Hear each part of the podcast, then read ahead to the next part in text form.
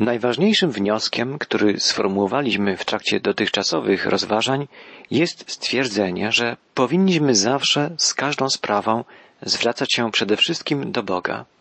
Gdy cokolwiek nas niepokoi, gdy czujemy się zagrożeni jakąkolwiek pokusą, grzechem, chorobą czy czymkolwiek innym, powinniśmy zwracać się do naszego niebiańskiego kapłana najwyższego, Chrystusa.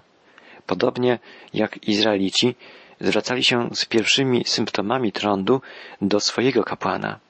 Jak wspominaliśmy już poprzednio, trąd to symbol oddający w pełni rzeczywistość grzechu, jego obecność w naszych sercach. Grzech, który toczy nasze serca, manifestuje się w naszym postępowaniu, w naszych myślach, w naszych czynach, słowach. Postać człowieka chorego na trąd jest wiernym obrazem grzesznika w jego beznadziejnej sytuacji skazanego na śmierć. Przeczytajmy początkowe wiersze trzynastego rozdziału Księgi Kapłańskiej. Pan powiedział do Mojżesza i Aarona, jeżeli u kogoś na skórze ciała pojawi się nabrzmienie, albo wysypka, albo biała plama, która na skórze jego ciała jest oznaką trądu, to przyprowadzą go do kapłana, Aarona, albo do jednego z jego synów kapłanów. Kapłan obejrzy chore miejsce na skórze. Jeżeli włosy na chorym miejscu stały się białe, jeżeli znak zdaje się być wklęśnięty w stosunku do skóry ciała, jest to plaga trądu. Kapłan stwierdzi to i uzna człowieka za nieczystego. Chore miejsce było poddawane dokładnym oględzinom. Gdy włosy porastające zaatakowane miejsce stawały się białe, oznaczało to, że skóra obumierała. Kapłan uznawał wtedy chorego za nieczystego. Nasz kapłan najwyższy również stawia diagnozę. W liście do Rzymian czytamy Grobem otwartym jest ich gardło. Językami swoimi knują zdradę. Jad żmi pod ich wargami. Usta ich są pełne przekleństwa i gorzkości. Nogi ich są skore do rozlewu krwi. Spustoszenie i nędza na ich drogach. Bóg mówi, wszyscy zgrzeszyli. Jesteśmy nieczyści. Wszyscy jesteśmy trędowatymi w duchowym sensie. Nasz wielki lekarz pragnie nas leczyć. Nie chce mieć w niebie trędowatych. Trąd jest obrazem grzechu. Rozpoczyna się od maleńkich problemów, wysypka, biała plamka. Rozwija się jednak, powoli, ale ciągle i kończy się śmiercią. William Thompson, misjonarz wędrujący po Palestynie w XIX wieku, tak opisał swoje spotkanie z trętowatymi. Gdy zbliżałem się do Jerozolimy, napotkałem grupę trętowatych. Widziałem ich okaleczone, trupio blade nosy, poszarzałe włosy, oczy. Poruszali ramionami pozbawionymi rąk, usiłowali coś powiedzieć, ale z ich gardeł przeżartych trądem wydobywały się nieziemskie dźwięki, harczenie i rzężenie. Grzech wydaje się taki niewinny na początku. Pomyślmy o małym dziecku, które okazuje w zabawny sposób swoją złość, swoje niezadowolenie. Ze śmiesznych bobasów wyrastają jednak tacy ludzie jak Hitler, jak Stalin. Każdy pijak musiał wypić kiedyś pierwszy niepozorny kieliszek. Grzech rozpoczyna się niewinnie, a kończy tragicznie. O trądzie można powiedzieć nie tylko to, że rozwija się od niepozornych objawów do tragicznych w skutkach spustoszeń, ale również i to, że rozwija się nieuchronnie i stale. W liście Jakuba czytamy Gdy porządliwość pocznie, rodzi grzech, a gdy grzech dojrzeje, rodzi śmierć. Trędowaty był żyjącym trupem. Tak można też określić stan człowieka tkwiącego w grzechu. Zapłatą za grzech jest śmierć. W liście do Galacjan czytamy Nie błądźcie.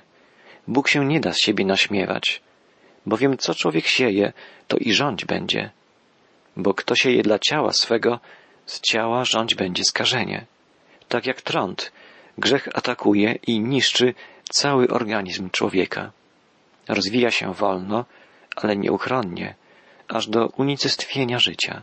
Chory na trąd nie umiera jak ktoś, kto ma atak serca czy zawał, nagle. Trąd nie zabija w ciągu jednego dnia czy nocy. Trędowaty w zaawansowanym stadium choroby obumiera dzień po dniu. Jest chodzącą śmiercią. Grzesznik duchowo jest w podobnym stanie. I wy umarliście przez upadki i grzechy wasze, czytamy w liście apostoła Pawła do Efezjan. Nieuniknionym, ostatecznym końcem trądu i grzechu jest śmierć. Trąd nie powoduje ostrego bólu, bólu nie do zniesienia, tak jak niektóre z chorób. Trędowaty jednak ciągle czuje się źle. Nigdy nie zaznaje spokoju. Podobnie grzech powoduje ciągły niepokój i smutek. Widzimy to w życiu jednostek, społeczeństw. Odbija się to również wyraźnie we współczesnej sztuce i kulturze. Ludzie poszukują zapomnienia, chcą się rozerwać, chcą się śmiać, ale jest to często śmiech pusty, śmiech, który ma zagłuszyć niepokój, lęk. Oglądamy telewizję, wideo, by uciec od rzeczywistości. Pędzimy gdzieś samochodami, pociągami, samolotami, żeby zyskać na czasie, a ciągle nam czasu brakuje. Pędzimy donikąd. Jesteśmy pokoleniem pośpiechu, niepokoju, pokoleniem pustki. Jesteśmy pokoleniem trądu.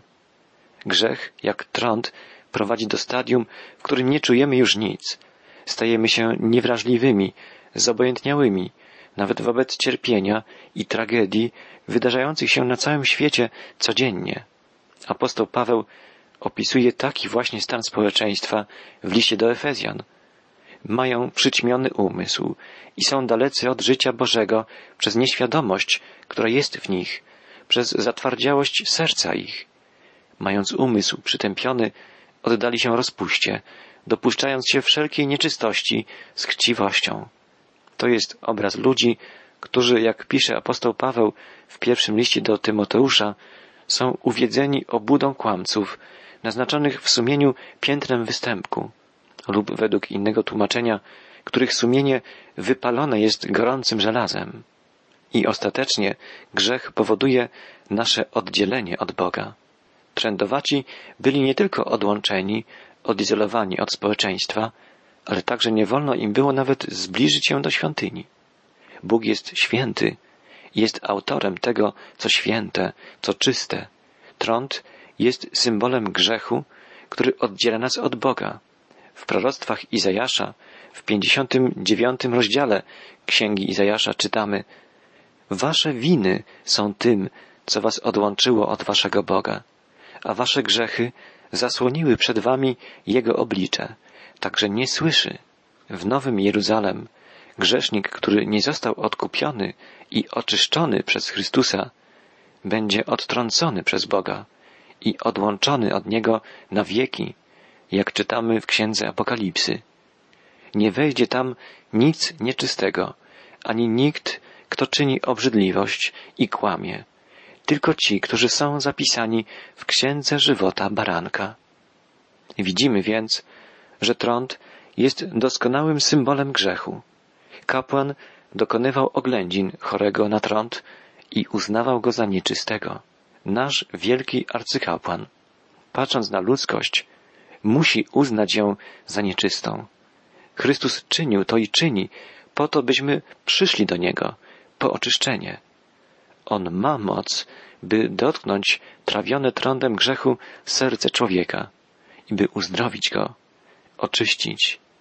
Powiedzieliśmy tak dużo na temat grzechu jako trądu duszy współczesnego człowieka, dlatego że grzech jest naszym największym, podstawowym problemem.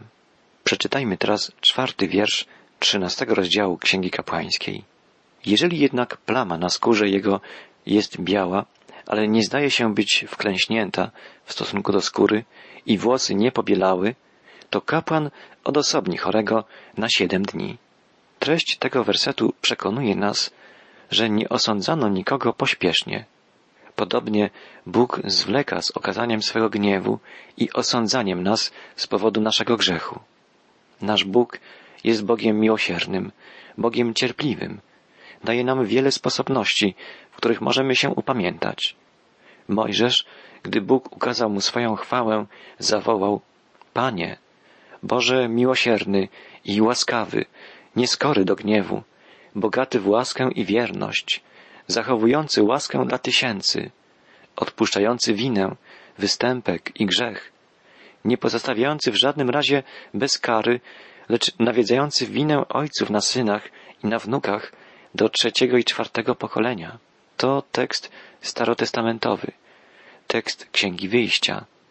A co mówi Nowy Testament o Bożej cierpliwości? W swoim drugim liście apostoł Piotr pisze Pan nie zwleka z dotrzymaniem obietnicy, chociaż niektórzy uważają, że zwleka, ale okazuje cierpliwość względem was, bo nie chce, aby ktokolwiek zginął, lecz chce, aby wszyscy przyszli do upamiętania. Bóg jest Bogiem cierpliwym. Czas Jego łaski trwa. Kapłan odsyłał człowieka z początkowymi, niejasnymi objawami choroby skóry na siedmiodniowe odosobnienie. Kapłan podejrzewał, że jest to wczesne stadium trądu, ale nie czynił pośpiesznego osądu. Podobnie Bóg skazał na odosobnienie ludzkość z powodu grzechu. W liście do Rzymian czytamy, że Bóg poddał wszystkich w niewolę nieposłuszeństwa, aby się nad wszystkimi zmiłować. A w liście do Galacjan czytamy, że Pismo głosi, iż wszystko poddane jest grzechowi, aby to, co było obiecane, dane było na podstawie wiary w Jezusa Chrystusa, tym, którzy uwierzą. Świat przechodzi przez swoisty okres kwarantanny. Bóg dopuścił, aby ludzkość z powodu zatwardziałości serc była poddana grzechowi. Bóg cierpliwie jednak czeka na upamiętanie człowieka, aby okazać mu swoją łaskę, swoją miłość. W piątym wierszu trzynastego rozdziału Księgi Kapłańskiej czytamy Siódmego dnia kapłan obejrzy go. Jeżeli kapłan stwierdzi, że plama nie powiększa się, nie rozszerza się na skórze, to odosobni go znowu na siedem dni. Po upływie siedmiu dni kapłan dokonywał oględzin odosobnionego człowieka ponownie. Gdy dalej nie był pewny, czy występują objawy trądu, odsyłał chorego na kolejnych siedem dni kwarantanny. Nie chciał dokonać w żadnym wypadku zbyt pośpiesznego, pochopnego osądu. Możemy zastosować tu do nas lekcję powstrzymywania się od dokonywania osądów naszych bliźnich. Bardzo wielką szkodę powoduje pochopne osądzanie naszych braci. Paweł pisał do Tymoteusza Przeciwko starszemu skargi nie przyjmuj, chyba że jest ona oparta na zeznaniu dwóch lub trzech świadków. Apostoł Paweł niejednokrotnie ostrzegał, że w dniach ostatecznych będzie wielu fałszywych oskarżycieli, oszczerców. Pewien pastor wprowadził w swojej parafii regułę, że wysłucha skargi na któregokolwiek ze swoich współpracowników tylko wtedy, gdy ten będzie przy tej rozmowie obecny. W ciągu 21 lat swojej służby tylko raz musiał przeprowadzić taką rozmowę. Drogi słuchaczu, nie patrz na innych, rozpocznij od siebie. Ty i ja musimy pamiętać o tym, żeby nie oceniać, nie oskarżać innych ludzi. Ocena ich postępowania, ich życia wiary należy do Boga. Tylko On zna ich serca, ich motywacje. Osąd nie należy do nas. Dalej czytamy, potem siódmego dnia kapłan znowu go obejrzy.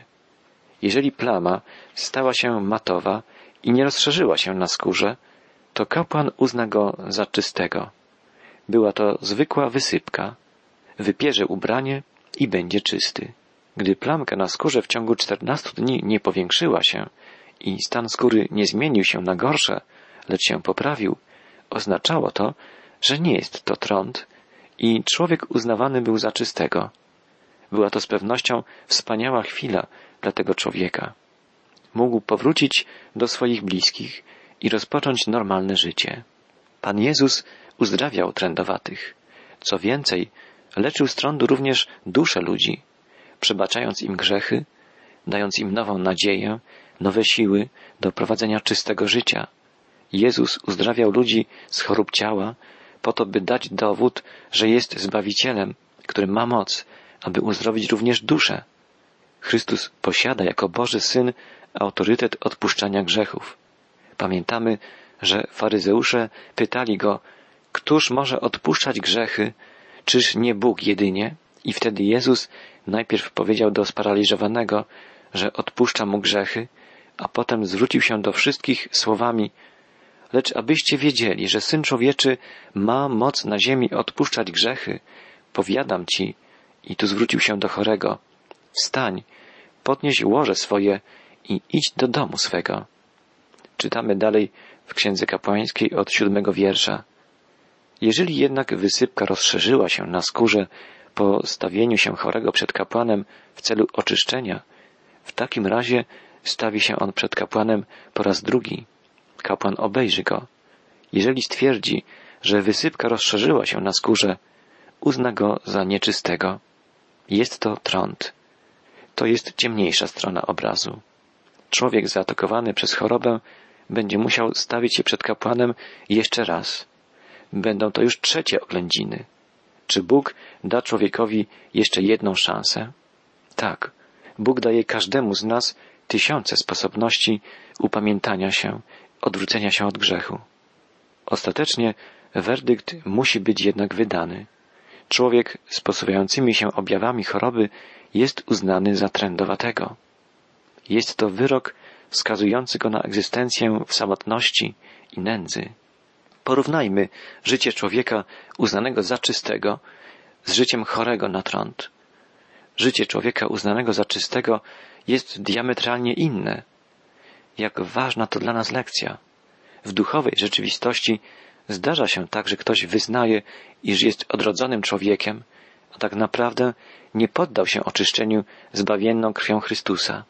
Na dłuższą metę tocząca takiego człowieka choroba grzechu ujawni się jej symptomy wykażą, że człowiek ten nie jest czysty. O takich ludziach pisze apostoł Jan w swoim pierwszym liście. Wyszli spośród nas, lecz nie byli z nas. Gdyby bowiem byli z nas, byliby pozostali z nami. Lecz miało się okazać, że nie wszyscy są z nas. W Księdze Kapłańskiej czytamy dalej. Jeżeli ukaże się na kimś trąd, przyprowadzą go do kapłana.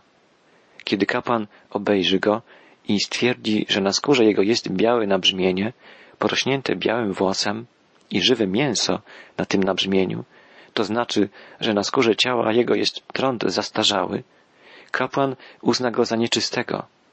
Nie odosobni go, bo on jest nieczysty. Jest tu opisany przypadek zastarzałego lub moglibyśmy powiedzieć chronicznego trądu. Nie ma już potrzeby odsyłania chorego na kwarantannę, gdyż bez wątpienia jest on trędowatym. Są ludzie, których nawet najlepsi przyjaciele nazywają grzesznikami. Alkoholik, który niszczy życie swojej rodziny, albo recydywista, ciągle popełniający kradzieże lub rozboje, to ludzie zniewoleni grzechem. Jedynie ponadnaturalna siła, moc Boża może wyrwać ich z tej niewoli. Szanowany i porządny członek Kościoła natomiast nigdy nie jest podejrzewany o to, że choruje na trąd duszy. Często nawet sam nie uświadamia sobie swojego stanu, bo żyje w hipokryzji. Trzeba jednak stanowczo stwierdzić, że każdy człowiek jest grzesznikiem i bez okazania prawdziwej skruchy przed Bogiem, bez wyznania swojej grzeszności, bez przyjęcia ratunku od Jezusa Chrystusa, nikt nie jest zdrowym, nikt nie jest czystym. Często łatwiej jest Bogu dotrzeć do serca wielkiego grzesznika, niż człowieka uważającego się za sprawiedliwego. Upadły grzesznik wie bowiem, że jest trędowatym, że jest nieczystym i czuje, że musi prosić o ratunek, oby każdy z nas mógł o to poprosić. Skłoń głowy w modlitwie. Panie nasz i Boże, dziękujemy Ci, że z taką cierpliwością i miłością czekasz na nasze upamiętanie. Dziękujemy Ci, że pragniesz przemieniać każde ludzkie serce, że chcesz ratować wszystkich, niezależnie od tego, czy ktoś jest mordercą, czy oszustem, czy prostytutką, czy alkoholikiem, albo czy jest dumnym, szanowanym, ale nieszczerym i żyjącym w obłudzie, tak zwanym porządnym człowiekiem. Dziękujemy Ci, że kochasz każdego i troszczysz się o wszystkich i wszystkich pragniesz oczyścić. Dziękujemy Ci, że dajesz nam tak wiele sposobności do wyznania swojej grzeszności, do poproszenia o uleczenie strądu naszych dusz. Dziękujemy Ci, nasz wielki lekarzu, za czystość i świętość, którą nam oferujesz, którą chcesz nas okryć ku naszemu zbawieniu. Amen.